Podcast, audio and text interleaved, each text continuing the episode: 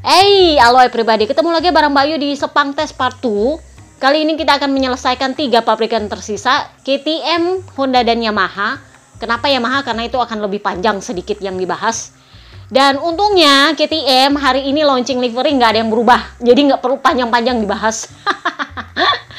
Jadi katanya bosnya karena nggak ada yang perlu diperbaiki jadi ya untuk apa dirubah? Ya udahlah ya karena golnya mereka katanya tetap sama. Mereka pengen tetap bersaing untuk gelar juara dunia. Jadi karena golnya tidak berubah, jadi mereka juga tidak merubah livery. Ya gitu deh. Pertanyaannya adalah apakah mereka siap? Kalau dari catatan waktu sepang tes, menurut gue sih nggak terlalu impresif. Sorry tuh saya kalau menurut gue. Ya memang sempat Dani Pedrosa itu menguji firing baru yang ala-ala Ducati tetapi pada akhirnya gak berhasil membuat catatan waktu mereka membaik. Ada juga aero yang ditaruh di spatboard lah, ada juga rear aeronya lah. Pokoknya banyak lah yang dicoba, tetapi nampaknya itu tidak mempengaruhi catatan waktu lap mereka. Jadi, ya menurut gue sih nggak terlalu impresif. Papa Pip sendiri bilangnya, dia bilang feelingnya dia adalah motor ini lebih bagus daripada tahun lalu, meningkat lebih banyak daripada tahun lalu. Cuman para Ducati itu show off banget soal mematahkan rekor, jadinya mereka nggak terlalu kelihatan. Jadi menurutnya Papa Pip, yang pasti kita akan terus bekerja sampai di Qatar, sampai kita siap balapan dan memberikan potensi yang sebenarnya dari motor ini di track ketika balapan. Karena sepang tes itu tidak menunjukkan potensi yang sebenarnya dari motor kami. Nah ini juga yang dikatakan oleh Brad Binder. Brad Binder, pangeran KTM itu bilang, ah itu peringkat di sepang tes itu bohong, bukan yang sebenarnya. Kenapa? Karena saya tahu potensi motor saya dan itu tersembunyi dari catatan lab. Maksud gue ngapain disembunyiin gitu loh. Jadi dia bilang kayak gini, catatan waktu lap itu tidak menggambarkan kondisi sebuah motor ketika balapan. Jadi dia cukup yakin ketika simulasi balapan di hari terakhir, dia itu bisa bersaing dengan para Ducati. Tetapi memang untuk catatan waktu lap, untuk pertandingan dalam tanda kutip kualifikasi waktu lap, ya memang itu nggak kelihatan. Tetapi kalau mau pakai simulasi balapan, menurut dia nih, potensinya motornya dia bagus. Ada, jadi menurut dia, saya tahu saya bisa bersaing dengan motor ini bersama para Ducati. Kenapa? Karena simulasi balapannya saya cukup bersaing dengan Ducati. Itulah kenapa Pedro Acosta, nah ini nih, ini rookie yang paling bersinar selama sepang sekdon dan sepang tes. Kenapa? Karena dia berhasil mengalahkan jauh lebih banyak seniornya dibanding rookie-rookie lainnya. Jadi ketika di sepang sekdon dia sempat memimpin catatan waktu di hari kedua apa hari ketiga ya gue lupa Nah, di Sepang Tes kan kemarin udah gue bilang, kita akan bisa melihat Pedro Acosta ini di antara para seniornya itu yang sedikit memberi gambaran apakah dia memang punya potensi untuk menjadi cepat selama balapan atau enggak. Dan pada akhirnya dia masuk top 10. Dengan motor bekasnya, ya kemarin ada yang tanya, dia dapat motor pabrikan? Enggak, dia pakai motor bekas. Tetapi part-partnya, sasisnya dan segala macam itu part pabrikan. Jadi ibarat kata supportnya itu support pabrikan, mesinnya iya mesin bekas. Tetapi dengan potensi seperti itu pun, dia menurut gua lebih dari cukup untuk membuktikan bahwa dia memang cukup bersaing di antara para seniornya. Even Papa Kembar sempat bilang, saya sempat ketemu nih anak di track, saya ada di belakang dia dan saya tahu lain dia itu bukan lain seorang rookie, lain dia itu lain seorang pembalap pro. Jadi untuk ukuran seorang rookie, dia ini patut diperhitungkan bersama dengan 21 pembalap senior lainnya di track. Si cemen maling kudang Mark Marcus sendiri sudah bilang, saya tahu ini anak bakal cepat nih. Karena peringkat waktunya aja, kalau cuma bikin catatan lap, kalau misalnya kita adu kualifikasi, dia udah bisa bersaing di depan. Kalau start lu udah di depan, ingat kata Quartararo, kalau kualifikasi lu, lu sudah ada di depan, itu udah modal yang ya paling nggak 50% lah lu bisa bersaing. Karena kalau lu start dari belakang, lu perlu motor yang sangat bagus untuk bisa bersaing ke depan. Tapi kalau kualifikasi lu udah bagus, lu udah bisa start di depan, ya itu paling nggak lu udah punya 50% modal lah untuk tetap bersaing di depan sana. Ada kemungkinan bisa podium dan menang. Jadi lu nggak perlu comeback jauh-jauh dari belakang. Jadi memang dia ini bukan rookie biasa di mata para seniornya. yang mungkin kalau mau dibandingkan hure-hurenya itu sudah lumayan lama. Mungkin terakhir kali itu adalah Mark Marcus sendiri ketika dia masih jadi rookie yang dihure-hurein. Tetapi waktu itu Mark Marcus itu jalannya dipermulus. Dirubahlah aturan supaya dia dapat motor terbaik di track, langsung dapat motor terbaik di track karena dia langsung masuk ke tim pabrikan. Sementara Pedro Acosta tertatih-tatih dulu kak dari bawah. Kenapa? Karena even DPRD tingkat pusat nggak peduli dia mau dapat cita apa kagak. Nggak dipeduliin, jadinya KTM harus depak Paul Espargaro demi masukin dia daripada dia diempat sama VR46. Kalau kalian ngintil gua udah lama dari 2 tahun lalu, kalian pasti tahu ini podcast. Ceritanya soal Acosta sama VR46. Tetapi jangan salah, VR46 sama KTM juga udah baikan sekarang. Buktinya Celestino Vietti kan udah masuk timnya KTM Aki Ayo, bener nggak? Jadi bukan nggak mungkin tahun depan dia akan masuk menggantikan Augusto Fernandez kalau dia nggak masuk ke VR46. Nah itu nanti kita akan bahas di bagiannya Yamaha. Nah Acosta sendiri nampaknya dia cukup mengerti bahwa media kan udah gue bilang media yang dikendalikan oleh Red Bull sebagai sponsor besar itu punya potensi untuk memblow up. Kenapa? Karena kan mereka punya tim publikasinya. Jadi kalau gue lihat nih, tim publikasinya Red Bull itu sekarang semoga gue salah itu mulai pindah ke Pedro Acosta. Sementara Mark Marcus yang sekarang ditangani oleh mantan manajer pemasarannya Red Bull itu mulai sore itu saya tenggelam. Kenapa? Karena sekarang kan mereka cuma jadi sponsor pribadi para ridernya di Grace ini. Mereka nggak bisa ganggu Estrella Galicia sebagai sponsor tim. Kalau gue nggak salah lihat, sepertinya memang Red Bull mulai nih mengelola Gimana caranya supaya Pedro Acosta ini mulai mendapat tambahan fans? Publikasinya mulai diperbaiki. Tetapi juga bukan tanpa alasan. Kenapa? Karena memang Pedro Acosta punya potensi untuk itu. Dan untungnya Pedro Acosta cukup mengerti gimana caranya mengelola kondisi mentalnya dan mengelola media. Dia cukup tahu dan menurut gue ini sorry tuh saya lebih dewasa daripada Mark Marcus. Sorry tuh saya ABR. Jadi dia tetap merendah meskipun wartawan itu mancing-mancing dia. Jadi dia bilang, ah catatan waktu lab saya itu biasa aja. Kenapa? Karena saya kan lagi adaptasi dan saya itu intinya adalah bersenang-senang di atas motor. Ya memang flying lap saya cepat, tetapi itu tidak menggambarkan kondisi balapan. Kondisi yang sebenarnya itu baru akan terlihat kalau balapan dan untuk itu kita perlu lihat nanti, bukan lihat berdasarkan sepang tes. Memang flying lap saya bagus, tetapi di KTM, rider terbaik itu tetap Brad Binder. Kenapa? Karena di simulasi balapan, dia menurutnya Acosta itu lebih bagus. Dan lebih tahu cara mengelola motor. Jadi dia sempat dipancing sama wartawan. Tapi kan lu kelihatannya jauh lebih bagus daripada ketika lu di Moto2 kemarin lu susah banget adaptasinya. Sampai hampir stres kan kemarin dia. Jadi Acosta bilang ya saya nggak bisa bilang juga ini adaptasinya lebih mudah daripada Moto2 tetapi secara mental saya lebih bisa mengelola adaptasi saya saat ini dibanding ketika Moto2. Karena di Moto2 kemarin itu saya sangat terpaku kepada catatan waktu. Nah sekarang saya menanamkan dalam mental saya, dalam pikiran saya bahwa menjadi cepat itu tidak perlu menjadi yang tercepat. Saya bisa cepat tanpa harus menjadi yang tercepat. Karena pada faktanya saya itu memang keliling-keliling di track, memang saya itu cepat, tapi kadang-kadang saya suka lupa lain. Jadi ketika dia ngintil sama Peko, dia kan ngejar Peko karena Peko kan patahin rekor. Jadi dia ngejar Peko, ujung-ujungnya dia melebar karena dia lupa line. Jadi dia bilang saya sebenarnya bagus kalau flying lap, tetapi jujurnya saya suka lupa line kalau mau pakai simulasi balapan. Nah sementara kondisi motor itu baru bisa kelihatan ketika balapan, bukan dari flying lap. Kenapa? Karena flying lap itu hanya menggambarkan kualifikasi.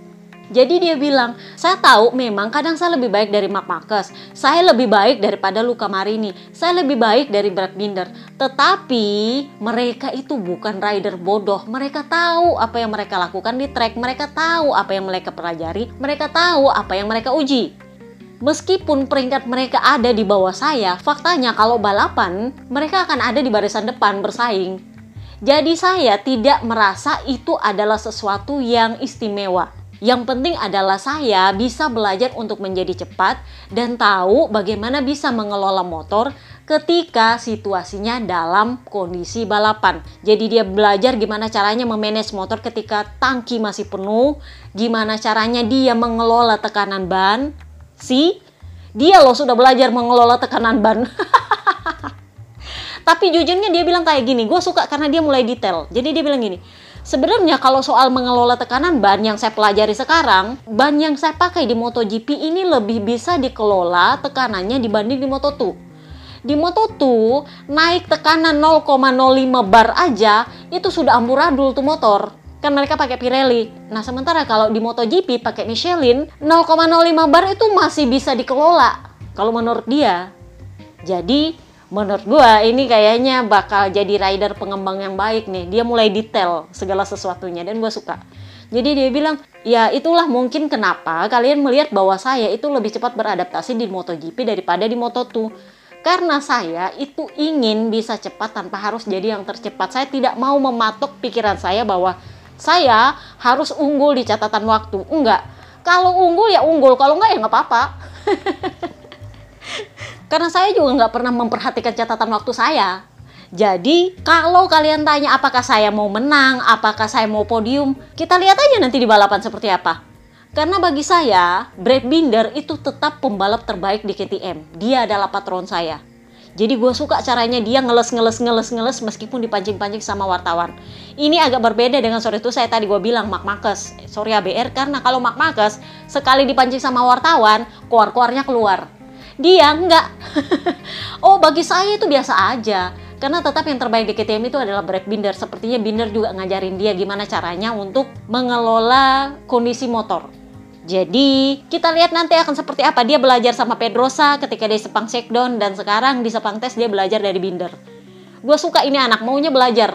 Jadi dia bilang pokoknya gue mau belajar aja terserah nanti catatan waktunya gimana-gimana ya urusan belakang itu. Saya nggak pernah lihat. Nah apa kabar Augusto Fernandes? Nah ini nih nih nih nih. Ya memang kemarin dia lumayan bagus di tahun lalu. Cuman kalau tahun ini dia nggak membaik lu kan tahu Stefan Pirer seperti apa.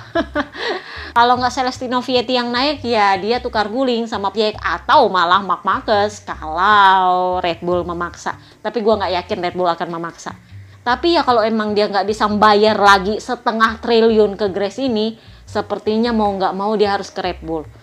Intinya adalah dia harus perpanjang sama Grace ini atau dia harus bisa menyingkirkan Enia ini dari seatnya. Karena kalau nggak, ya udah dia mau nggak mau harus ke Red Bull. Dan itu akan sulit untuk dapat seat pabrikan. Kenapa? Karena pangeran KTM itu nggak tergeser di situ. Ditambah lagi calon ikan hiu baru Pedro Acosta. Jadi gosip berhembus sepoi-sepoi KTM ini lagi membujuk VR46 nih. Untuk lu mau nggak jadi tim satelit ketiganya KTM karena kan sudah ada Celestino Vietti tuh di bawah di Aki Ayo. Kalau lu gabung ya kan lebih banyak seat. Nanti Celestino Vietti kan gabungnya sama kalian juga ujung-ujungnya. Bener nggak sih Cuman kalau mau bilang siapa yang lebih berhak klaim mengklaim ya tetap Yamaha yang berhak mengklaim VR46 bener nggak? Meskipun mereka udah baikin sama KTM ya tetap.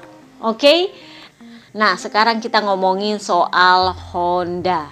Jadi Luka Marini kemarin itu bisa dibilang kesulitan dengan motornya di Sepang.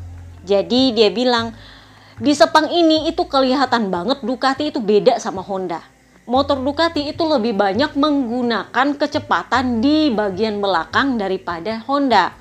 Honda itu menitik beratkan kecepatan mereka di bagian depan. Nah, saya belum terbiasa untuk itu. Kalau Mark Marquez karena dia nggak bertanggung jawab sama pengembangan ya dia ngider 72 kali sehari.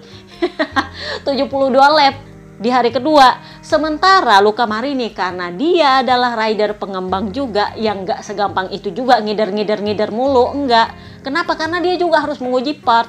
Karena dia rider pengembang, rider pabrikan. Jadi dia bilang ya saya nggak bisa ngider-ngider sembarangan juga kayak Mark Marcus karena saya kan kondisinya sekarang adalah rider pabrikan.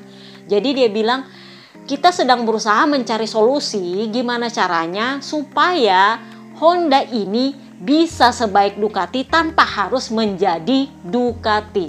Kenapa? Karena motor masing-masing itu punya DNA-nya sendiri. kita nggak bisa merubah DNA-nya Honda menjadi Ducati, tetapi memanfaatkan potensi yang ada dalam DNA Honda dan menutupi kekurangannya dengan berbagai cara. Nah, itu yang sedang kami cari solusinya. Kemarin juga karena dia adalah rider tertinggi di track saat ini. Jadinya tangkinya itu harus dimodifikasi pakai alas supaya dia lebih nyaman duduknya. Jadi dia bilang, ya kalau dari segi kecepatan di trek lurus, motor ini sudah cepat.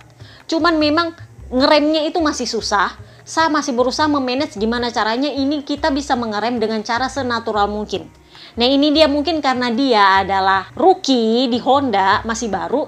Jadi dia memang sedikit berbeda pendapat dengan Mir.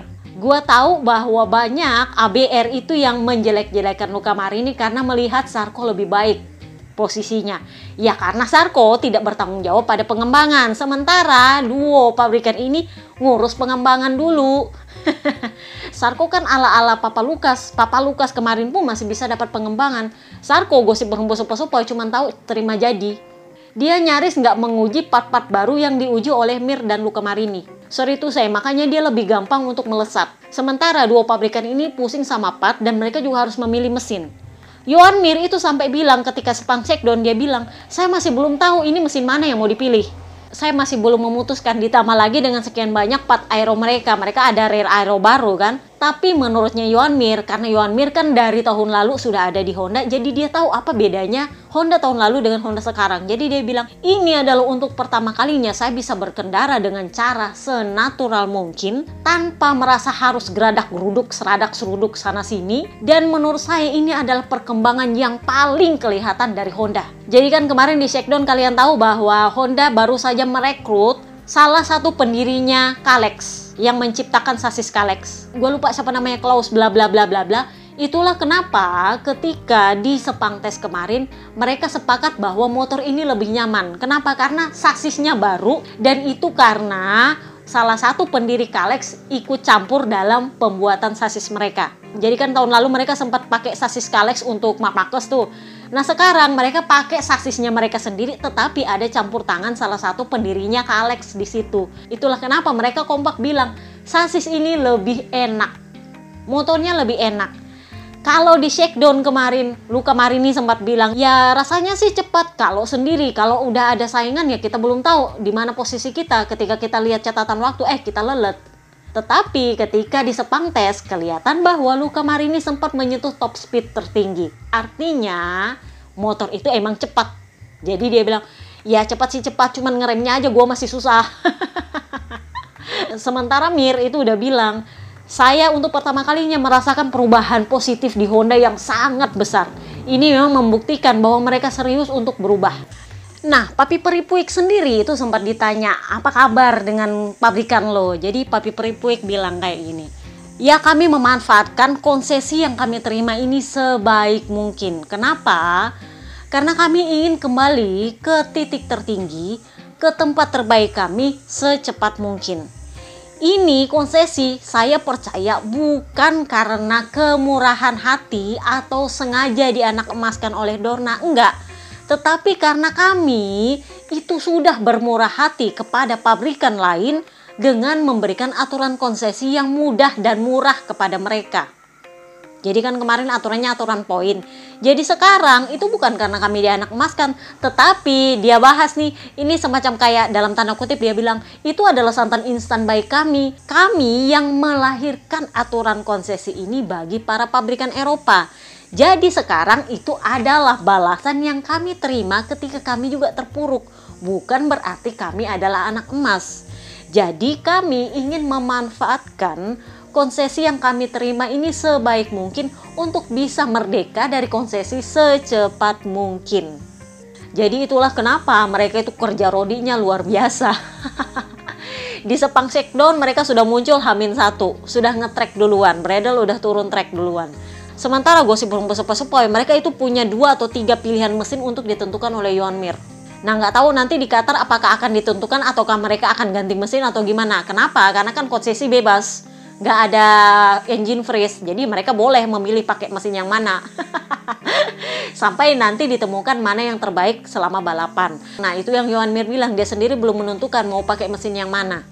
Kalau gua dengar gosipnya Luka Marini sih, katanya dia udah menentukan pakai mesin yang mana. Sisa aero dan ergonomisnya aja yang perlu dia perbaiki. So kita lihat nanti di Qatar apakah mereka punya part baru ataukah punya mesin baru karena mereka adalah konsesi jadi ya suka-suka mereka mau pakai mesin yang mana nggak ada engine freeze.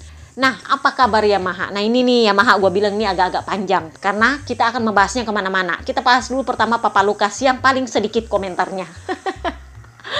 Papa Lukas itu bilang, ya saya tidak bisa membandingkan motor ini dengan motor tahun lalu karena tahun lalu saya tidak di sini. Tetapi saya bisa merasakan progresnya itu sejak Sepang Sekdon hingga sekarang itu makin hari makin bagus. Bahkan Fabio Quartararo kan kemarin sempat tembus top speed tertinggi. Bener nggak? Itu artinya motor itu membaik. Pir kirinya idili itu karena aero bukan karena mesinnya. Jadi memang Snake Taro itu masih bilang mesin yang kami miliki itu masih punya kekurangan di sana sini. Jadi ini bukan cuma perkara soal cepat atau tidak, karena saya masih banyak miss dalam hal catatan waktu, flying lap, time attack itu masih ancur-ancur. Oke, okay, top speednya bagus, oke. Okay. Tapi ini motor masih terlalu liar. Jadi Papa Lukas bilang saya nggak bisa menilai soal liar atau enggak karena saya nggak pakai motor ini tahun lalu. Jadi saya nggak tahu liarnya model apa. Tapi kalau menurut saya dari Sepang Sekdon sampai sekarang ini motor ada progres.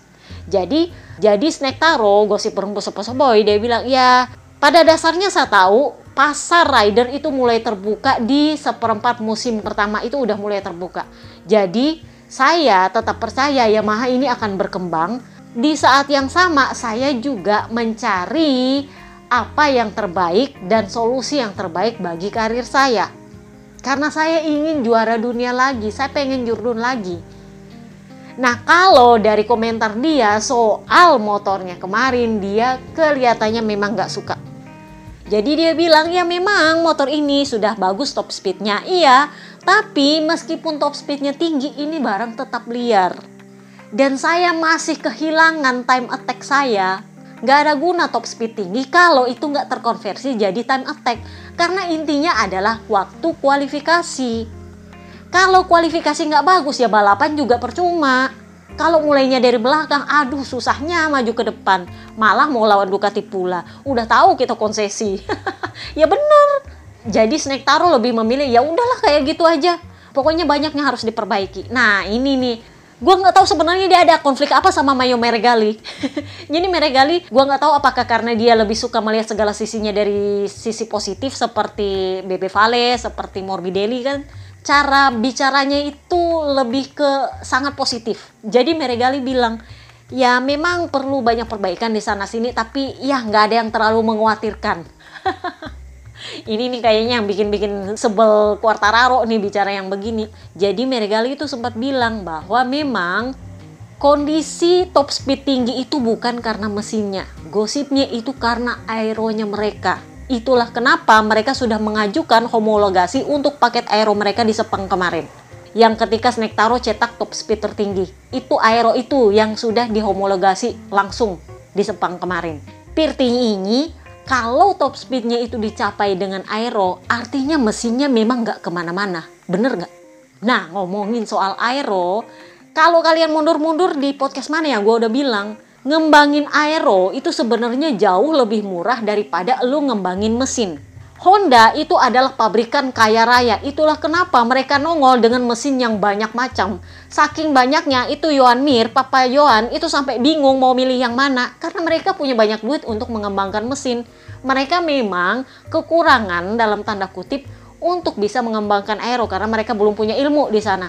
Tetapi untuk mengembangkan mesin karena mereka dapat konsesi ya jor-joran mereka bikin mesin Nah sementara Massimo Rivola itu yang aeronya segala macam jenis-jenisnya itu punya pembelaan juga. Dia bilang mengembangkan aero itu lebih murah daripada mengembangkan mesin. Jadinya ya lu lihat di podcast part 1 kemarin kan Papa Nina sudah bilang mesin sama sasisnya itu 99% sama dengan yang tahun lalu. Yang beda itu cuman aeronya doang. Ya karena memang Rivola udah bilang lebih gampang dan lebih murah itu main di aero daripada ngembangin mesin. Si, jadi memang sudut pandangnya Honda sama Aprilia ini beda jauh. Sementara Ducati dua-duanya dikembangin, mesinnya dikembangin, aeronya juga dikembangin. Unggul banyak sebenarnya, tapi peri gigi loh. Jadi itulah yang membuat mereka unggul.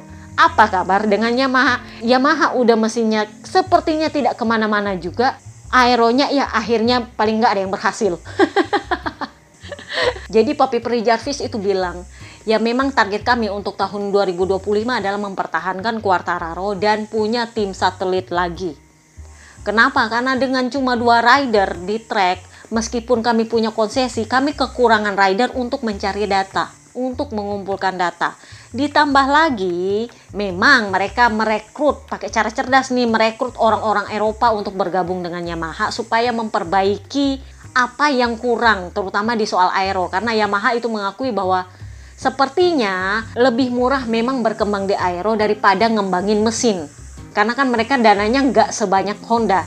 Itulah kenapa mereka merekrut orang-orang aero dari Ducati untuk bergabung supaya mereka bisa main di aero nggak terlalu banyak main di mesin. Sementara yang diminta oleh Quartararo adalah mesinnya tetapi kemarin kan mereka sempat sentuh top speed tertinggi, ternyata itu gara-gara aeronya itu yang sepertinya Snack Taro sedikit miss di situ. Gua nggak suka, gua pengennya mesinnya yang bagus, bukan aeronya yang bagus.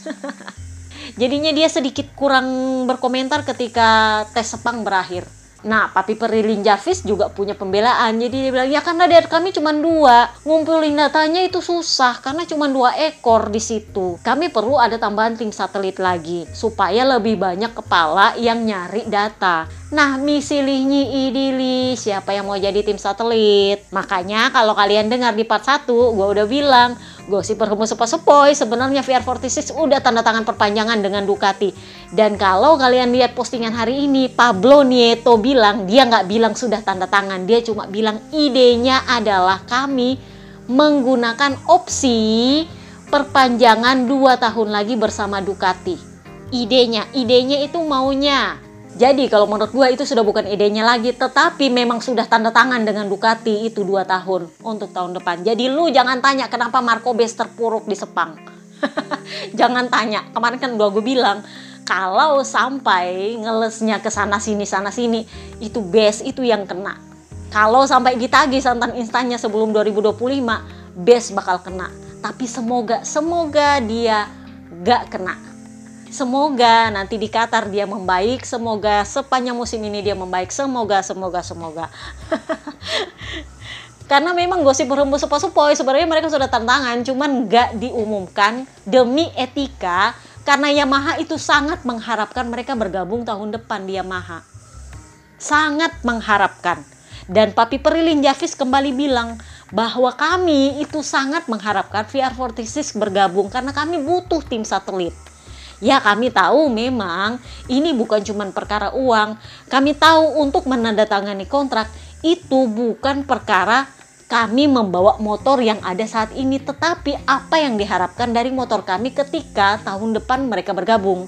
Jadi saat ini pun masih sulit untuk mengalahkan para Ducati. Tetapi ekspektasi untuk tahun depan itu yang perlu dijaga. Kalau ekspektasinya tidak seyakin itu ya memang agak sulit untuk meyakinkan jangankan VR46 untuk meyakinkan Quartararo aja susah jadi dia bilang, saya sedang mencari sosok yang seperti Lewis Hamilton di F1 yang mau tanda tangan dengan Mercedes dengan modal iman karena waktu itu Mercedes masih bukan masih bukan tim yang bagus di F1. Jadi dia bilang saya merasa waktu itu Lewis Hamilton ini sudah punya semacam keyakinan sudah punya semacam perkiraan dan insting bahwa oh saya akan sukses dengan tim ini. Saya butuh rider yang seperti itu yang dengan iman, yang dengan keyakinan menandatangani kontrak dengan saya bahwa motor kami itu akan membawa dia sukses di tahun depan tanpa melihat performa kami tahun ini. ya kan agak susah. Makanya mereka sangat mengharapkan VR46 karena cuma VR46 yang bisa ditagih santan instannya tanpa bawa embel-embel performa tahun ini. Karena kan mereka sudah dapat duluan support. Mereka minta balasan lagi. Nah ini ini yang perkaranya. VR46 nya nggak mau pindah. Jadi Pablo Nioto bilang iya kami sebenarnya senang bahwa banyak pabrikan yang tertarik kepada kami. Tapi kami secara jujur kami itu senang dengan Ducati. Kami senang bersama mereka dan kami senang dengan performa motor mereka. Jadi idenya adalah kami memanfaatkan opsi perpanjangan untuk 2 tahun untuk tetap bersama Ducati. Kami menghargai banyak pihak lain yang tertarik dengan kami, tetapi ketertarikan itu tidak lepas dari performa kami bersama Ducati. Jadi kurang lebihnya idenya adalah kami akan tetap bersama Ducati. Nah, nah, nah.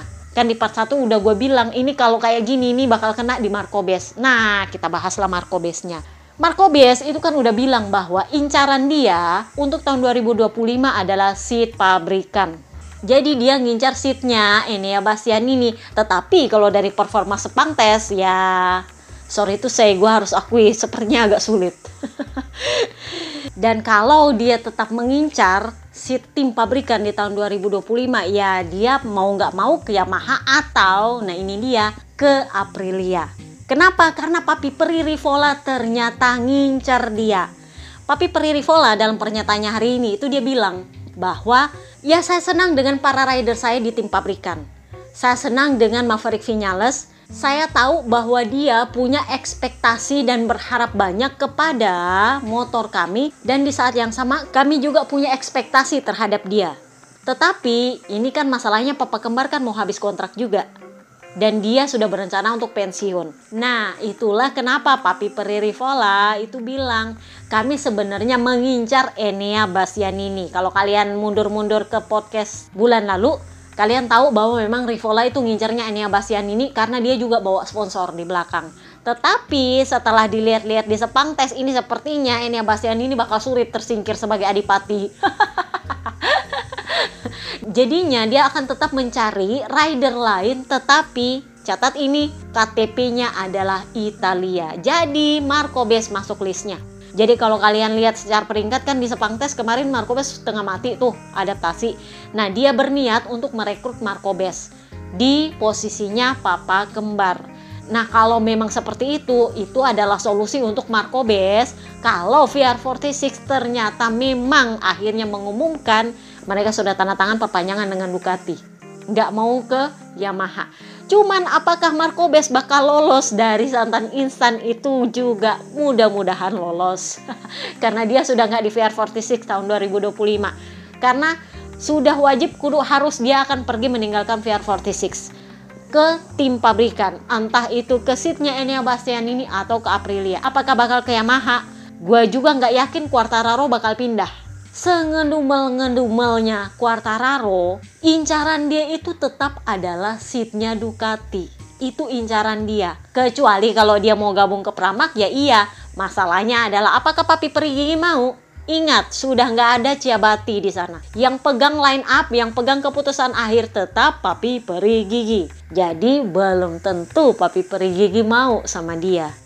Jalan lainnya adalah dia ke Aprilia karena nggak mungkin ke Honda sama KTM. KTM udah terlalu penuh. Ke Honda ya sama aja, Sami Mawon. Jadi dia cuma jalannya ke Aprilia. Nah masalahnya adalah Papi Peri Rivola udah bilang gua mau ke TPI. Kalau kalian dengar dari kemarin-kemarin kan udah gue bilang pemegang sahamnya itu udah mulai bunyi-bunyi nih. Lu kapan terima KTPI? Karena kan kemarin sempat Celestino Vieti masuk list tapi akhirnya nggak jadi. Gara-gara Dato R nggak mau.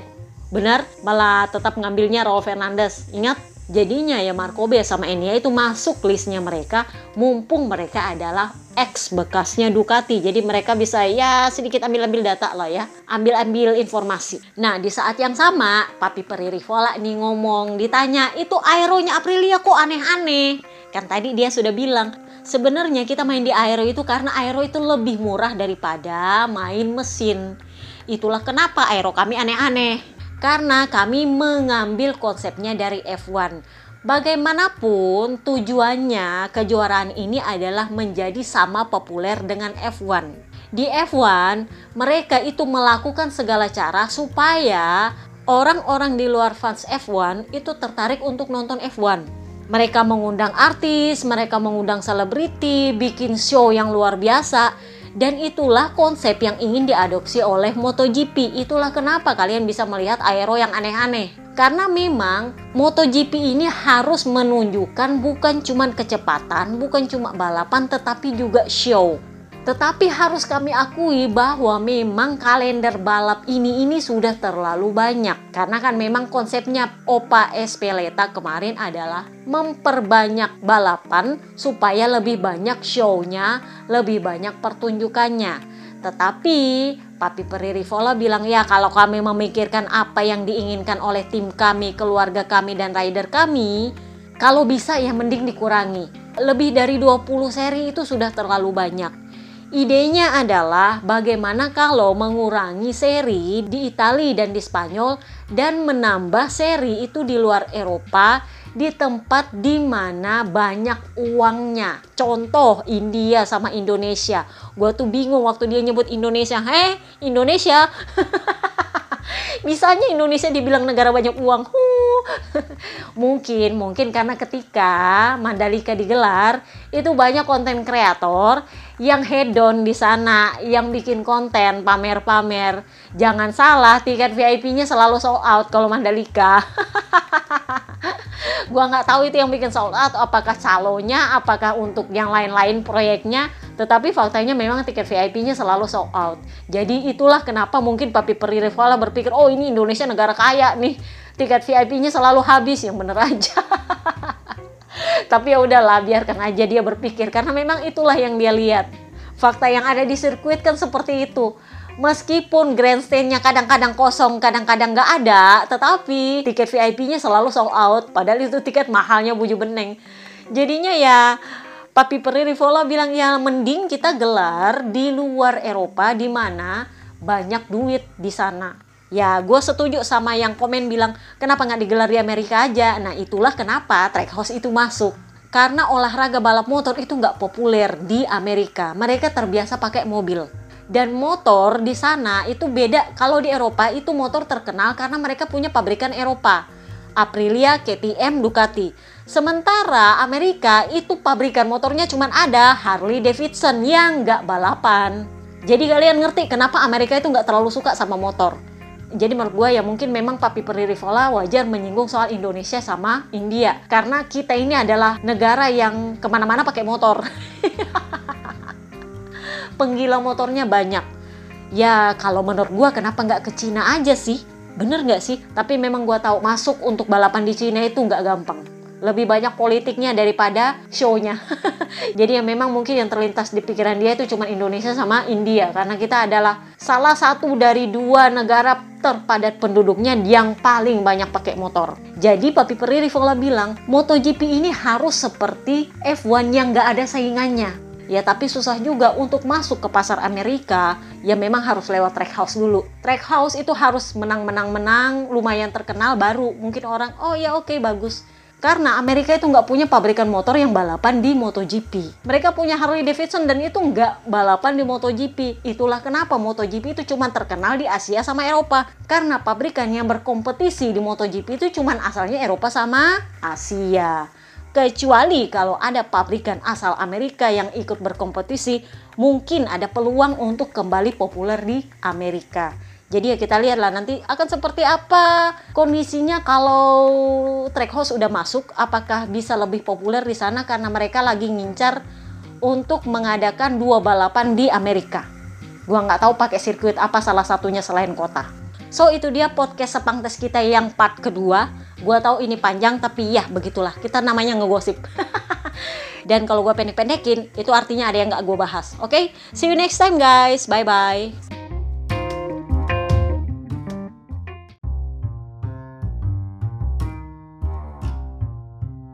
Hey, halo pribadi, ketemu lagi bareng Bayu di Sepang Tes Part 2. Kali ini kita akan menyelesaikan tiga pabrikan tersisa, KTM, Honda, dan Yamaha Kenapa Yamaha? Karena itu akan lebih panjang sedikit yang dibahas.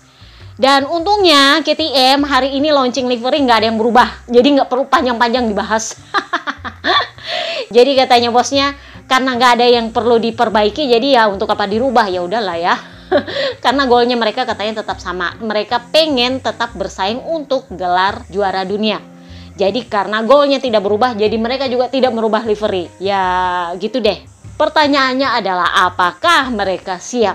Kalau dari catatan waktu sepang tes, menurut gue sih nggak terlalu impresif. Sorry tuh saya kalau menurut gue. Ya memang sempat Dani Pedrosa itu menguji firing baru yang ala-ala Ducati Tetapi pada akhirnya nggak berhasil membuat catatan waktu mereka membaik Ada juga aero yang ditaruh di spatboard lah Ada juga rear aeronya lah Pokoknya banyak lah yang dicoba, tetapi nampaknya itu tidak mempengaruhi catatan waktu lap mereka. Jadi, ya menurut gue sih nggak terlalu impresif. Papa Pip sendiri bilangnya, dia bilang feelingnya dia adalah motor ini lebih bagus daripada tahun lalu, meningkat lebih banyak daripada tahun lalu. Cuman para Ducati itu show off banget soal mematahkan rekor, jadinya mereka nggak terlalu kelihatan. Jadi menurutnya Papa Pip, yang pasti kita akan terus bekerja sampai di Qatar, sampai kita siap balapan dan memberikan potensi yang sebenarnya dari motor ini di track ketika balapan. Karena sepang tes itu tidak menunjukkan potensi yang sebenarnya dari motor kami. Nah ini juga yang dikatakan oleh Brad Binder. Brad Binder, pangeran KTM itu bilang, ah itu peringkat di sepang tes itu bohong, bukan yang sebenarnya. Kenapa? Karena saya tahu potensi motor saya dan itu tersembunyi dari catatan lab. Maksud gue ngapain disembunyiin gitu loh. Jadi dia bilang kayak gini, catatan waktu lab itu tidak menggambarkan kondisi sebuah motor ketika balapan. Jadi dia cukup yakin ketika simulasi balapan di hari terakhir, dia itu bisa bersaing dengan para Ducati. Tetapi memang untuk catatan waktu lap, untuk pertandingan dalam tanda kutip kualifikasi waktu lap, ya memang itu nggak kelihatan. Tetapi kalau mau pakai simulasi balapan, menurut dia nih, potensinya motornya dia bagus, ada jadi menurut dia, saya tahu saya bisa bersaing dengan motor ini bersama para Ducati. Kenapa? Karena simulasi balapannya saya cukup bersaing dengan Ducati. Itulah kenapa Pedro Acosta, nah ini nih, ini rookie yang paling bersinar selama sepang shakedown dan sepang tes. Kenapa? Karena dia berhasil mengalahkan jauh lebih banyak seniornya dibanding rookie-rookie lainnya. Jadi ketika di sepang shakedown dia sempat memimpin catatan waktu di hari kedua apa hari ketiga ya gue lupa Nah, di Sepang Tes kan kemarin udah gue bilang, kita akan bisa melihat Pedro Acosta ini di antara para seniornya itu yang sedikit memberi gambaran apakah dia memang punya potensi untuk menjadi cepat selama balapan atau enggak. Dan pada akhirnya dia masuk top 10. Dengan motor bekasnya, ya kemarin ada yang tanya, dia dapat motor pabrikan? Enggak, dia pakai motor bekas. Tetapi part-partnya, sasisnya dan segala macam itu part pabrikan. Jadi ibarat kata supportnya itu support pabrikan, mesinnya iya mesin bekas. Tetapi dengan potensi seperti itu pun, dia menurut gua lebih dari cukup untuk membuktikan bahwa dia memang cukup bersaing di antara para seniornya. Even papa kembar sempat bilang, saya sempat ketemu nih anak di track. Saya ada di belakang dia dan saya tahu lain dia itu bukan lain seorang rookie, lain dia itu lain seorang pembalap pro. Jadi untuk ukuran seorang rookie, dia ini patut diperhitungkan bersama dengan 21 pembalap senior lainnya di track. Si cemen maling kudang Mark Marcus sendiri sudah bilang, saya tahu ini anak bakal cepat nih. Karena peringkat waktunya aja, kalau cuma bikin catatan lap, kalau misalnya kita adu kualifikasi, dia udah bisa bersaing di depan. Kalau start lu udah di depan, ingat kata Quartararo, kalau kualifikasi lu, lu sudah ada di depan, itu udah modal yang ya paling nggak 50% lah lu bisa bersaing.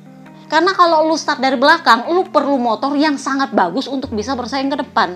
Tapi kalau kualifikasi lu udah bagus, lu udah bisa start di depan, ya itu paling nggak lu udah punya 50% modal lah untuk tetap bersaing di depan sana. Ada kemungkinan bisa podium dan menang. Jadi lu nggak perlu comeback jauh-jauh dari belakang. Jadi memang dia ini bukan rookie biasa di mata para seniornya. Yang mungkin kalau mau dibandingkan hure-hurenya itu sudah lumayan lama, mungkin terakhir kali itu adalah Mark Marcus sendiri ketika dia masih jadi rookie yang dihure-hurein. Tetapi waktu itu Mark Marcus itu jalannya dipermulus. Dirubahlah aturan supaya dia dapat motor terbaik di track, langsung dapat motor terbaik di track karena dia langsung masuk ke tim pabrikan. Sementara Pedro Acosta tertatih-tatih dulu kak dari bawah. Kenapa? Karena even DPRD tingkat pusat nggak peduli dia mau dapat cita apa kagak nggak dipeduliin jadinya KTM harus depak Pol Espargaro demi masukin dia daripada dia diempat sama VR46 kalau kalian ngintil gua udah lama dari dua tahun lalu kalian pasti tahu ini podcast ceritanya soal Acosta sama VR46 Tetapi jangan salah, VR46 sama KTM juga udah baikan sekarang. Buktinya Celestino Vietti kan udah masuk timnya KTM Aki Ayo, bener nggak? Jadi bukan nggak mungkin tahun depan dia akan masuk menggantikan Augusto Fernandez kalau dia nggak masuk ke VR46. Nah itu nanti kita akan bahas di bagiannya Yamaha. Nah Acosta sendiri nampaknya dia cukup mengerti bahwa media kan udah gue bilang media yang dikendalikan oleh Red Bull sebagai sponsor besar itu punya potensi untuk memblow up. Kenapa? Karena kan mereka punya tim publikasinya. Jadi kalau gue lihat nih, tim publikasinya Red Bull itu sekarang semoga gue salah itu mulai pindah ke Pedro Acosta. Sementara Mark Marcus yang sekarang ditangani oleh mantan manajer pemasarannya Red Bull itu mulai sore itu saya tenggelam. Kenapa? Karena sekarang kan mereka cuma jadi sponsor pribadi para ridernya di Grace ini mereka nggak bisa ganggu Estrella Galicia sebagai sponsor tim. Kalau gua nggak salah lihat, sepertinya memang Red Bull mulai nih mengelola gimana caranya supaya Pedro Acosta ini mulai mendapat tambahan fans. Publikasinya mulai diperbaiki, tetapi juga bukan tanpa alasan. Kenapa? Karena memang Pedro Acosta punya potensi untuk itu. Dan untungnya Pedro Acosta cukup mengerti gimana caranya mengelola kondisi mentalnya dan mengelola media. Dia cukup tahu dan menurut gue ini sorry tuh saya lebih dewasa daripada Mark Marcus. Sorry tuh saya ABR. Jadi dia tetap merendah meskipun wartawan itu mancing-mancing dia.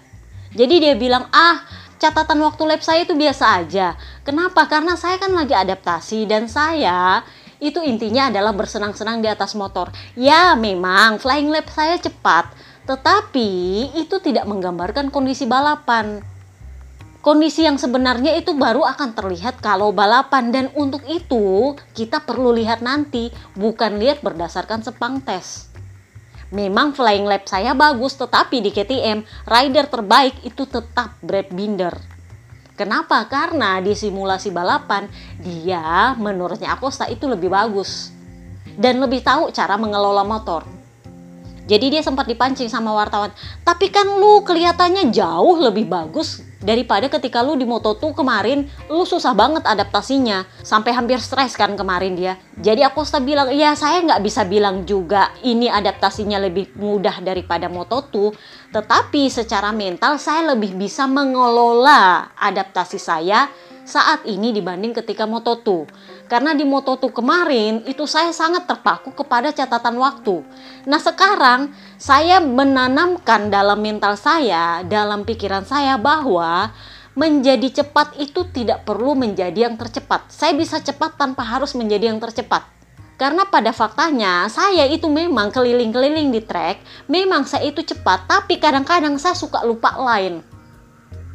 Jadi ketika dia ngintil sama Peko, dia kan ngejar Peko karena Peko kan patahin rekor. Jadi dia ngejar Peko, ujung-ujungnya dia melebar karena dia lupa line. Jadi dia bilang saya sebenarnya bagus kalau flying lap, tetapi jujurnya saya suka lupa line kalau mau pakai simulasi balapan. Nah sementara kondisi motor itu baru bisa kelihatan ketika balapan, bukan dari flying lap.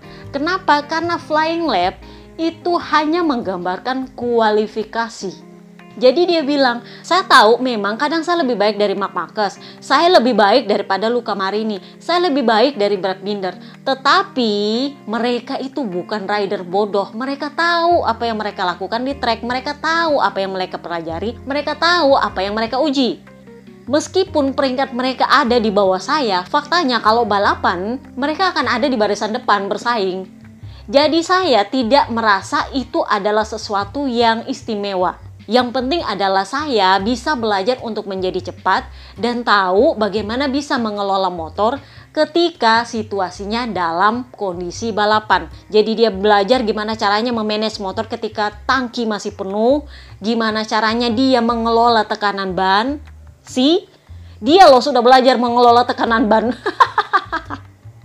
Tapi jujurnya dia bilang kayak gini, gue suka karena dia mulai detail. Jadi dia bilang gini, Sebenarnya kalau soal mengelola tekanan ban yang saya pelajari sekarang, ban yang saya pakai di MotoGP ini lebih bisa dikelola tekanannya dibanding di Moto2. Di Moto2 naik tekanan 0,05 bar aja itu sudah amburadul tuh motor. kan mereka pakai Pirelli. Nah, sementara kalau di MotoGP pakai Michelin, 0,05 bar itu masih bisa dikelola kalau menurut dia. Jadi, menurut gua ini kayaknya bakal jadi rider pengembang yang baik nih. Dia mulai detail segala sesuatunya dan gua suka. Jadi dia bilang, ya itulah mungkin kenapa kalian melihat bahwa saya itu lebih cepat beradaptasi di MotoGP daripada di Moto2 karena saya itu ingin bisa cepat tanpa harus jadi yang tercepat. Saya tidak mau mematok pikiran saya bahwa saya harus unggul di catatan waktu. Enggak. Kalau unggul ya unggul, kalau enggak ya nggak apa-apa. Karena saya juga nggak pernah memperhatikan catatan waktu saya. Jadi, kalau kalian tanya apakah saya mau menang, apakah saya mau podium, kita lihat aja nanti di balapan seperti apa. Karena bagi saya, Brad Binder itu tetap pembalap terbaik di KTM. Dia adalah patron saya. Jadi gue suka caranya dia ngeles ngeles ngeles ngeles meskipun dipancing-pancing sama wartawan. Ini agak berbeda dengan sore itu saya tadi gue bilang Mark Marcus, sorry ABR karena kalau Mark Marcus sekali dipancing sama wartawan, keluar-keluarnya keluar. Dia enggak. oh bagi saya itu biasa aja. Karena tetap yang terbaik di KTM itu adalah Brad Binder. Sepertinya Binder juga ngajarin dia gimana caranya untuk mengelola kondisi motor jadi kita lihat nanti akan seperti apa dia belajar sama Pedrosa ketika di Sepang Shakedown dan sekarang di Sepang Tes dia belajar dari Binder. Gue suka ini anak maunya belajar. Jadi dia bilang pokoknya gue mau belajar aja. Terserah nanti catatan waktunya gimana-gimana ya urusan belakang itu saya nggak pernah lihat. nah apa kabar Augusto Fernandes? Nah ini nih nih nih nih. Ya memang kemarin dia lumayan bagus di tahun lalu. Cuman kalau tahun ini dia nggak membaik, lu kan tahu Stefan Pirer seperti apa. Kalau nggak Celestino Vietti yang naik ya dia tukar guling sama Piek atau malah Mark Marquez kalau Red Bull memaksa. Tapi gue nggak yakin Red Bull akan memaksa. Tapi ya kalau emang dia nggak bisa membayar lagi setengah triliun ke Grace ini, sepertinya mau nggak mau dia harus ke Red Bull. Intinya adalah dia harus perpanjang sama Grace ini atau dia harus bisa menyingkirkan Enia Bastianini dari seatnya. Karena kalau nggak, ya udah dia mau nggak mau harus ke Red Bull dan itu akan sulit untuk dapat seat pabrikan. Kenapa? Karena pangeran KTM itu nggak tergeser di situ. Ditambah lagi calon ikan new baru Pedro Acosta. Jadi gosip berhembus sepoi-sepoi KTM ini lagi membujuk VR46 nih untuk lu mau nggak jadi tim satelit ketiganya KTM karena kan sudah ada Celestino Vietti tuh di bawah di Aki Ayo. Kalau lu gabung ya kan lebih banyak seat. Nanti Celestino Vietti kan gabungnya sama kalian juga ujung-ujungnya. Bener nggak sih? Cuman kalau mau bilang siapa yang lebih berhak klaim mengklaim ya tetap Yamaha yang berhak mengklaim VR46 bener nggak? Meskipun mereka udah baikan sama KTM ya tetap oke. Okay? Nah sekarang kita ngomongin soal Honda. Jadi Luka Marini kemarin itu bisa dibilang kesulitan dengan motornya di Sepang. Jadi dia bilang di Sepang ini itu kelihatan banget Ducati itu beda sama Honda motor Ducati itu lebih banyak menggunakan kecepatan di bagian belakang daripada Honda. Honda itu menitik beratkan kecepatan mereka di bagian depan. Nah, saya belum terbiasa untuk itu. Kalau Mark Marquez karena dia nggak bertanggung jawab sama pengembangan ya dia ngider 72 kali sehari. 72 lap di hari kedua. Sementara Luka Marini karena dia adalah rider pengembang juga yang nggak segampang itu juga ngider-ngider-ngider mulu, enggak. Kenapa? Karena dia juga harus menguji part. Karena dia rider pengembang, rider pabrikan. Jadi dia bilang ya saya nggak bisa ngider-ngider sembarangan juga kayak Mark Marcus karena saya kan kondisinya sekarang adalah rider pabrikan. Jadi dia bilang kita sedang berusaha mencari solusi gimana caranya supaya Honda ini bisa sebaik Ducati tanpa harus menjadi Ducati. Kenapa? Karena motor masing-masing itu punya DNA-nya sendiri. Kita nggak bisa merubah DNA-nya Honda menjadi Ducati, tetapi memanfaatkan potensi yang ada dalam DNA Honda dan menutupi kekurangannya dengan berbagai cara. Nah, itu yang sedang kami cari solusinya. Kemarin juga karena dia adalah rider tertinggi di track saat ini, Jadinya tangkinya itu harus dimodifikasi pakai alas supaya dia lebih nyaman duduknya. Jadi dia bilang, ya kalau dari segi kecepatan di trek lurus, motor ini sudah cepat. Cuman memang ngeremnya itu masih susah. Saya masih berusaha memanage gimana caranya ini kita bisa mengerem dengan cara senatural mungkin. Nah ini dia mungkin karena dia adalah rookie di Honda, masih baru. Jadi dia memang sedikit berbeda pendapat dengan Mir. Gua tahu bahwa banyak ABR itu yang menjelek-jelekan Luka Marini karena melihat Sarko lebih baik posisinya. Ya karena Sarko tidak bertanggung jawab pada pengembangan. Sementara duo pabrikan ini ngurus pengembangan dulu. Sarko kan ala-ala Papa Lukas. Papa Lukas kemarin pun masih bisa dapat pengembangan. Sarko gosip berhembus-hembus cuma tahu terima jadi. Dia nyaris nggak menguji part-part baru yang diuji oleh Mir dan Luka Marini. Sorry itu saya, makanya dia lebih gampang untuk melesat. Sementara dua pabrikan ini pusing sama part dan mereka juga harus memilih mesin. Yohan Mir itu sampai bilang ketika sepang checkdown dia bilang, saya masih belum tahu ini mesin mana yang mau dipilih saya masih belum memutuskan ditambah lagi dengan sekian banyak part aero mereka mereka ada rare aero baru kan tapi menurutnya Yohan Mir karena Yohan Mir kan dari tahun lalu sudah ada di Honda jadi dia tahu apa bedanya Honda tahun lalu dengan Honda sekarang. Jadi dia bilang ini adalah untuk pertama kalinya saya bisa berkendara dengan cara senatural mungkin tanpa merasa harus geradak geruduk seradak seruduk sana sini. Dan menurut saya ini adalah perkembangan yang paling kelihatan dari Honda. Jadi kan kemarin di Shakedown kalian tahu bahwa Honda baru saja merekrut salah satu pendirinya Kalex yang menciptakan sasis Kalex. Gue lupa siapa namanya Klaus bla bla bla bla bla. Itulah kenapa ketika di Sepang tes kemarin mereka sepakat bahwa motor ini lebih nyaman. Kenapa? Karena sasisnya baru dan itu karena salah satu pendiri Kalex ikut campur dalam pembuatan sasis mereka. Jadi kan tahun lalu mereka sempat pakai sasis Kalex untuk Mark tuh. Nah sekarang mereka pakai sasisnya mereka sendiri tetapi ada campur tangan salah satu pendirinya Kalex di situ. Itulah kenapa mereka kompak bilang sasis ini lebih enak. Motornya lebih enak kalau di shakedown kemarin, Luka Marini sempat bilang, ya rasanya sih cepat. Kalau sendiri, kalau udah ada saingan ya kita belum tahu di mana posisi kita ketika kita lihat catatan waktu, eh kita lelet. Tetapi ketika di sepang tes, kelihatan bahwa Luka Marini sempat menyentuh top speed tertinggi. Artinya, motor itu emang cepat. Jadi dia bilang, ya cepat sih cepat, cuman ngeremnya aja gue masih susah. Sementara Mir itu udah bilang, saya untuk pertama kalinya merasakan perubahan positif di Honda yang sangat besar. Ini memang membuktikan bahwa mereka serius untuk berubah. Nah, Papi Peripuik sendiri itu sempat ditanya, apa kabar dengan pabrikan lo? Jadi Papi Peripuik bilang kayak gini, ya kami memanfaatkan konsesi yang kami terima ini sebaik mungkin. Kenapa? Karena kami ingin kembali ke titik tertinggi, ke tempat terbaik kami secepat mungkin. Ini konsesi saya percaya bukan karena kemurahan hati atau sengaja dianak emaskan oleh Dorna, enggak. Tetapi karena kami itu sudah bermurah hati kepada pabrikan lain dengan memberikan aturan konsesi yang mudah dan murah kepada mereka. Jadi kan kemarin aturannya aturan poin. Jadi sekarang itu bukan karena kami dia anak emaskan, tetapi dia bahas nih, ini semacam kayak dalam tanda kutip dia bilang, itu adalah santan instan baik kami. Kami yang melahirkan aturan konsesi ini bagi para pabrikan Eropa. Jadi sekarang itu adalah balasan yang kami terima ketika kami juga terpuruk. Bukan berarti kami adalah anak emas. Jadi kami ingin memanfaatkan konsesi yang kami terima ini sebaik mungkin untuk bisa merdeka dari konsesi secepat mungkin. Jadi itulah kenapa mereka itu kerja rodinya luar biasa. Di Sepang Shakedown mereka sudah muncul Hamin satu, sudah ngetrek duluan, Bradle udah turun trek duluan. Sementara gosip belum sepoi mereka itu punya dua atau tiga pilihan mesin untuk ditentukan oleh Yohan Mir. Nah nggak tahu nanti di Qatar apakah akan ditentukan ataukah mereka akan ganti mesin atau gimana. Kenapa? Karena kan konsesi bebas nggak ada engine freeze jadi mereka boleh memilih pakai mesin yang mana sampai nanti ditemukan mana yang terbaik selama balapan nah itu yang Yohan Mir bilang dia sendiri belum menentukan mau pakai mesin yang mana kalau gua dengar gosipnya Luka Marini sih katanya dia udah menentukan pakai mesin yang mana sisa aero dan ergonomisnya aja yang perlu dia perbaiki So kita lihat nanti di Qatar apakah mereka punya part baru ataukah punya mesin baru karena mereka adalah konsesi jadi ya suka-suka mereka mau pakai mesin yang mana nggak ada engine freeze.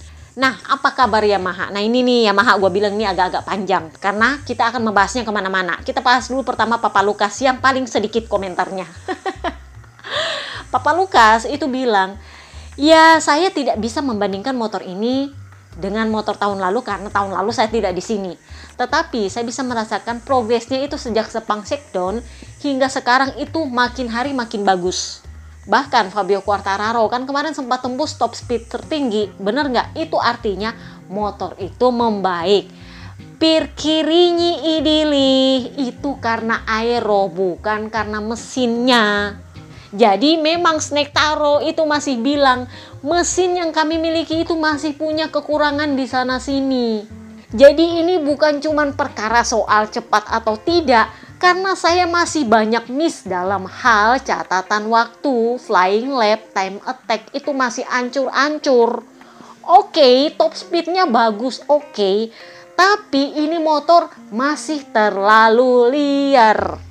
Jadi Papa Lukas bilang saya nggak bisa menilai soal liar atau enggak karena saya nggak pakai motor ini tahun lalu. Jadi saya nggak tahu liarnya model apa. Tapi kalau menurut saya dari Sepang Sekdon sampai sekarang ini motor ada progres.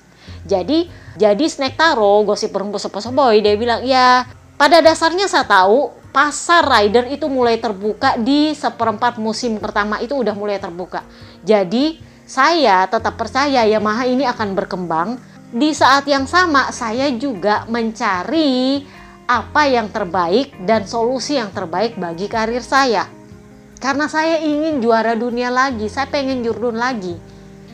Nah kalau dari komentar dia soal motornya kemarin dia kelihatannya memang gak suka.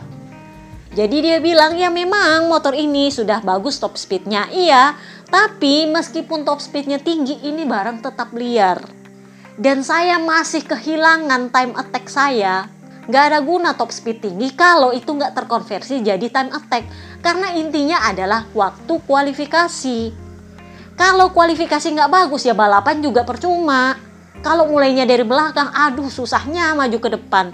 Malah mau lawan Ducati pula. Udah tahu kita konsesi. ya bener. Jadi Snake Taro lebih memilih ya udahlah kayak gitu aja. Pokoknya banyaknya harus diperbaiki. Nah ini nih gue nggak tahu sebenarnya dia ada konflik apa sama Mayo Meregali. Jadi Meregali, gue nggak tahu apakah karena dia lebih suka melihat segala sisinya dari sisi positif seperti Bebe Vale, seperti Morbidelli kan.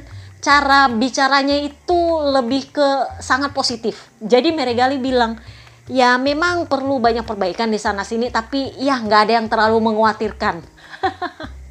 ini nih kayaknya yang bikin-bikin sebel Quartararo nih bicara yang begini. Jadi Meregali itu sempat bilang bahwa memang kondisi top speed tinggi itu bukan karena mesinnya. Gosipnya itu karena aeronya mereka. Itulah kenapa mereka sudah mengajukan homologasi untuk paket aero mereka di Sepang kemarin. Yang ketika Snake Taro cetak top speed tertinggi. Itu aero itu yang sudah dihomologasi langsung di Sepang kemarin. Pirti ini kalau top speednya itu dicapai dengan aero, artinya mesinnya memang nggak ke mana-mana. Bener nggak? Nah, ngomongin soal aero, kalau kalian mundur-mundur di podcast mana ya, gue udah bilang, ngembangin aero itu sebenarnya jauh lebih murah daripada lu ngembangin mesin. Honda itu adalah pabrikan kaya raya. Itulah kenapa mereka nongol dengan mesin yang banyak macam. Saking banyaknya itu Yohan Mir, Papa Yohan itu sampai bingung mau milih yang mana karena mereka punya banyak duit untuk mengembangkan mesin. Mereka memang kekurangan dalam tanda kutip untuk bisa mengembangkan aero karena mereka belum punya ilmu di sana. Tetapi untuk mengembangkan mesin karena mereka dapat konsesi ya jor-joran mereka bikin mesin Nah sementara Massimo Rivola itu yang aeronya segala macam jenis-jenisnya itu punya pembelaan juga. Dia bilang mengembangkan aero itu lebih murah daripada mengembangkan mesin. Jadinya ya lu lihat di podcast part 1 kemarin kan Papa Nina sudah bilang mesin sama sasisnya itu 99% sama dengan yang tahun lalu. Yang beda itu cuman aeronya doang. Ya karena memang Rivola udah bilang lebih gampang dan lebih murah itu main di aero daripada ngembangin mesin. Si jadi memang sudut pandangnya Honda sama Aprilia ini beda jauh. Sementara Ducati dua-duanya dikembangin, mesinnya dikembangin, aeronya juga dikembangin. Unggul banyak sebenarnya, tapi peri gigi loh. Jadi itulah yang membuat mereka unggul. Apa kabar dengan Yamaha? Yamaha udah mesinnya sepertinya tidak ke mana-mana juga. Aeronya ya akhirnya paling nggak ada yang berhasil.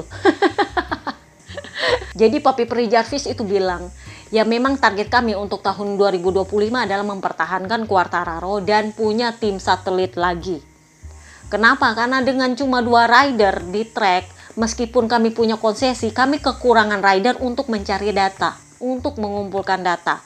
Ditambah lagi, memang mereka merekrut pakai cara cerdas nih merekrut orang-orang Eropa untuk bergabung dengan Yamaha supaya memperbaiki apa yang kurang terutama di soal aero karena Yamaha itu mengakui bahwa sepertinya lebih murah memang berkembang di aero daripada ngembangin mesin karena kan mereka dananya nggak sebanyak Honda Itulah kenapa mereka merekrut orang-orang aero dari Ducati untuk bergabung supaya mereka bisa main di aero, nggak terlalu banyak main di mesin. Sementara yang diminta oleh Quartararo adalah mesinnya.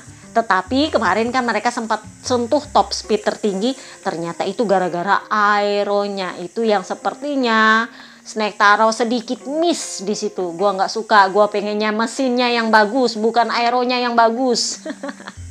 Jadinya dia sedikit kurang berkomentar ketika tes Sepang berakhir. Nah, Papi Perilin Javis juga punya pembelaan. Jadi dia bilang, ya karena dari kami cuma dua. Ngumpulin datanya itu susah karena cuma dua ekor di situ. Kami perlu ada tambahan tim satelit lagi supaya lebih banyak kepala yang nyari data. Nah, misilihnya idili siapa yang mau jadi tim satelit. Makanya kalau kalian dengar di part 1, gue udah bilang, Gosip berhembus sepoi-sepoi, sebenarnya VR46 udah tanda tangan perpanjangan dengan Ducati. Dan kalau kalian lihat postingan hari ini, Pablo Nieto bilang, dia nggak bilang sudah tanda tangan, dia cuma bilang idenya adalah kami menggunakan opsi perpanjangan 2 tahun lagi bersama Ducati. Idenya, idenya itu maunya jadi kalau menurut gue itu sudah bukan idenya lagi, tetapi memang sudah tanda tangan dengan Ducati itu dua tahun untuk tahun depan. Jadi lu jangan tanya kenapa Marco Bes terpuruk di Sepang. jangan tanya. Kemarin kan udah gue bilang kalau sampai ngelesnya ke sana sini sana sini itu base itu yang kena. Kalau sampai ditagih santan instannya sebelum 2025, base bakal kena. Tapi semoga semoga dia gak kena Semoga nanti di Qatar dia membaik, semoga sepanjang musim ini dia membaik, semoga, semoga, semoga. Karena memang gosip berhembus sepoi-sepoi, sebenarnya mereka sudah tantangan, cuman nggak diumumkan demi etika, karena Yamaha itu sangat mengharapkan mereka bergabung tahun depan di Yamaha. Sangat mengharapkan. Dan Papi Perilin Javis kembali bilang bahwa kami itu sangat mengharapkan VR46 bergabung karena kami butuh tim satelit Ya kami tahu memang ini bukan cuma perkara uang. Kami tahu untuk menandatangani kontrak itu bukan perkara kami membawa motor yang ada saat ini. Tetapi apa yang diharapkan dari motor kami ketika tahun depan mereka bergabung. Jadi saat ini pun masih sulit untuk mengalahkan para Ducati. Tetapi ekspektasi untuk tahun depan itu yang perlu dijaga. Kalau ekspektasinya tidak seyakin itu ya memang agak sulit untuk meyakinkan. Jangankan VR46 untuk meyakinkan Quartararo aja susah. Jadi dia bilang, saya sedang mencari sosok yang seperti Lewis Hamilton di F1 yang mau tanda tangan dengan Mercedes dengan modal iman. Karena waktu itu Mercedes masih bukan masih bukan tim yang bagus di F1. Jadi dia bilang saya merasa waktu itu Lewis Hamilton ini sudah punya semacam keyakinan sudah punya semacam perkiraan dan insting bahwa oh saya akan sukses dengan tim ini. Saya butuh rider yang seperti itu yang dengan iman, yang dengan keyakinan menandatangani kontrak dengan saya bahwa motor kami itu akan membawa dia sukses di tahun depan tanpa melihat performa kami tahun ini. ya kan agak susah. Makanya mereka sangat mengharapkan VR46 karena cuma VR46 yang bisa ditagih santan instannya tanpa bawa embel-embel performa tahun ini. Karena kan mereka sudah dapat duluan support. Mereka minta balasan lagi. Nah ini ini yang perkaranya. VR46 nya nggak mau pindah. Jadi Pablo Nieto bilang iya kami sebenarnya senang bahwa banyak pabrikan yang tertarik kepada kami. Tapi kami secara jujur kami itu senang dengan Ducati. Kami senang bersama mereka dan kami senang dengan performa motor mereka jadi idenya adalah kami memanfaatkan opsi perpanjangan untuk dua tahun untuk tetap bersama Ducati. Kami menghargai banyak pihak lain yang tertarik dengan kami, tetapi ketertarikan itu tidak lepas dari performa kami bersama Ducati. Jadi kurang lebihnya idenya adalah kami akan tetap bersama Ducati. Nah, nah, nah. Kan di part 1 udah gue bilang ini kalau kayak gini ini bakal kena di Marco Bes. Nah, kita bahaslah Marco Besnya. Marco Bies itu kan udah bilang bahwa incaran dia untuk tahun 2025 adalah seat pabrikan. Jadi dia ngincar seatnya Enea Bastianini. Tetapi kalau dari performa sepang tes ya sorry itu saya gue harus akui sepertinya agak sulit.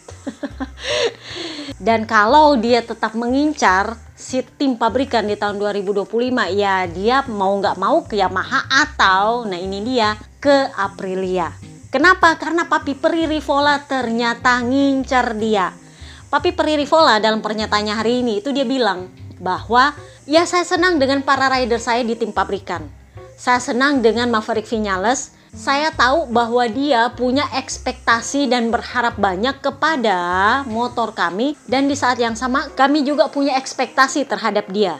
Tetapi ini kan masalahnya papa kembar kan mau habis kontrak juga dan dia sudah berencana untuk pensiun. Nah, itulah kenapa Papi Peri Rivola itu bilang, kami sebenarnya mengincar Enea Bastianini. Kalau kalian mundur-mundur ke podcast bulan lalu, kalian tahu bahwa memang Rivola itu ngincarnya Enea Bastianini karena dia juga bawa sponsor di belakang. Tetapi setelah dilihat-lihat di sepang tes ini sepertinya Enea Bastianini bakal sulit tersingkir sebagai adipati. Jadinya dia akan tetap mencari rider lain tetapi catat ini KTP-nya adalah Italia. Jadi Marco Bes masuk listnya. Jadi kalau kalian lihat secara peringkat kan di Sepang Tes kemarin Marco Bes setengah mati tuh adaptasi. Nah dia berniat untuk merekrut Marco Bes di posisinya papa kembar.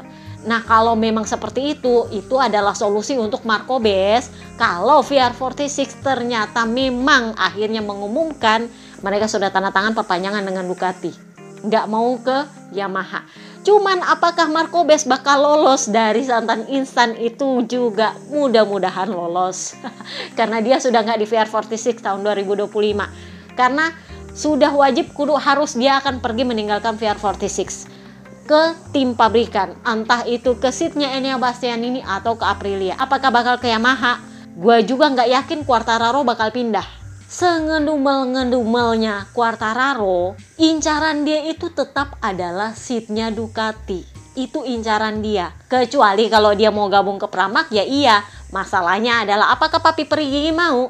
Ingat, sudah nggak ada Ciabati di sana. Yang pegang line up, yang pegang keputusan akhir tetap Papi Perigi. Jadi belum tentu Papi Perigi mau sama dia.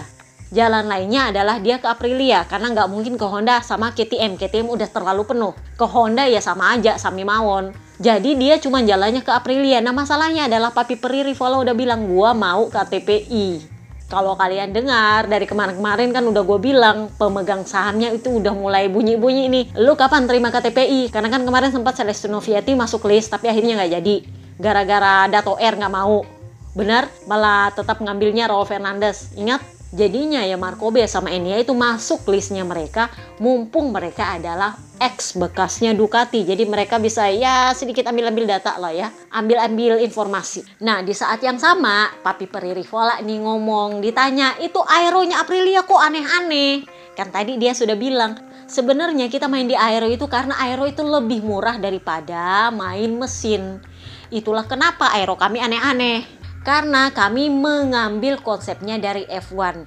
Bagaimanapun tujuannya kejuaraan ini adalah menjadi sama populer dengan F1. Di F1 mereka itu melakukan segala cara supaya orang-orang di luar fans F1 itu tertarik untuk nonton F1. Mereka mengundang artis, mereka mengundang selebriti, bikin show yang luar biasa dan itulah konsep yang ingin diadopsi oleh MotoGP. Itulah kenapa kalian bisa melihat aero yang aneh-aneh. Karena memang MotoGP ini harus menunjukkan bukan cuma kecepatan, bukan cuma balapan, tetapi juga show. Tetapi harus kami akui bahwa memang kalender balap ini ini sudah terlalu banyak. Karena kan memang konsepnya Opa Espeleta kemarin adalah memperbanyak balapan supaya lebih banyak show-nya, lebih banyak pertunjukannya. Tetapi Papi Peri Rivola bilang ya kalau kami memikirkan apa yang diinginkan oleh tim kami, keluarga kami dan rider kami, kalau bisa ya mending dikurangi. Lebih dari 20 seri itu sudah terlalu banyak. Idenya adalah bagaimana kalau mengurangi seri di Italia dan di Spanyol dan menambah seri itu di luar Eropa di tempat di mana banyak uangnya. Contoh India sama Indonesia. Gua tuh bingung waktu dia nyebut Indonesia. Heh, Indonesia. Misalnya Indonesia dibilang negara banyak uang. Huh. mungkin, mungkin karena ketika Mandalika digelar, itu banyak konten kreator yang hedon di sana, yang bikin konten pamer-pamer. Jangan salah, tiket VIP-nya selalu sold out kalau Mandalika. gua nggak tahu itu yang bikin sold out apakah calonya apakah untuk yang lain-lain proyeknya. Tetapi faktanya memang tiket VIP-nya selalu sold out. Jadi itulah kenapa mungkin Papi Peri Rivala berpikir oh ini Indonesia negara kaya nih. Tiket VIP-nya selalu habis. Yang bener aja tapi ya udahlah biarkan aja dia berpikir karena memang itulah yang dia lihat fakta yang ada di sirkuit kan seperti itu meskipun grandstandnya kadang-kadang kosong, kadang-kadang nggak ada, tetapi tiket VIP-nya selalu sold out. Padahal itu tiket mahalnya buju beneng. Jadinya ya Papi Peri Rivola bilang ya mending kita gelar di luar Eropa di mana banyak duit di sana. Ya gue setuju sama yang komen bilang kenapa nggak digelar di Amerika aja. Nah itulah kenapa Trackhouse itu masuk. Karena olahraga balap motor itu nggak populer di Amerika. Mereka terbiasa pakai mobil dan motor di sana itu beda kalau di Eropa itu motor terkenal karena mereka punya pabrikan Eropa Aprilia, KTM, Ducati sementara Amerika itu pabrikan motornya cuma ada Harley Davidson yang nggak balapan jadi kalian ngerti kenapa Amerika itu nggak terlalu suka sama motor jadi menurut gue ya mungkin memang Papi Peri Rivola wajar menyinggung soal Indonesia sama India karena kita ini adalah negara yang ke mana-mana pakai motor penggila motornya banyak. Ya kalau menurut gua kenapa nggak ke Cina aja sih? Bener nggak sih? Tapi memang gua tahu masuk untuk balapan di Cina itu nggak gampang. Lebih banyak politiknya daripada show-nya. Jadi ya memang mungkin yang terlintas di pikiran dia itu cuma Indonesia sama India. Karena kita adalah salah satu dari dua negara terpadat penduduknya yang paling banyak pakai motor. Jadi Papi Peri Rivola bilang, MotoGP ini harus seperti F1 yang nggak ada saingannya Ya tapi susah juga untuk masuk ke pasar Amerika, ya memang harus lewat trackhouse dulu. Trackhouse itu harus menang-menang-menang, lumayan terkenal baru mungkin orang, oh ya oke okay, bagus. Karena Amerika itu nggak punya pabrikan motor yang balapan di MotoGP. Mereka punya Harley Davidson dan itu nggak balapan di MotoGP. Itulah kenapa MotoGP itu cuma terkenal di Asia sama Eropa. Karena pabrikan yang berkompetisi di MotoGP itu cuma asalnya Eropa sama Asia. Kecuali kalau ada pabrikan asal Amerika yang ikut berkompetisi, mungkin ada peluang untuk kembali populer di Amerika. Jadi ya kita lihatlah nanti akan seperti apa kondisinya kalau Trackhouse udah masuk, apakah bisa lebih populer di sana karena mereka lagi ngincar untuk mengadakan dua balapan di Amerika. Gua nggak tahu pakai sirkuit apa salah satunya selain kota. So itu dia podcast sepang tes kita yang part kedua. Gua tahu ini panjang tapi ya begitulah. Kita namanya ngegosip. Dan kalau gue pendek-pendekin, itu artinya ada yang nggak gue bahas. Oke, okay? see you next time guys. Bye bye.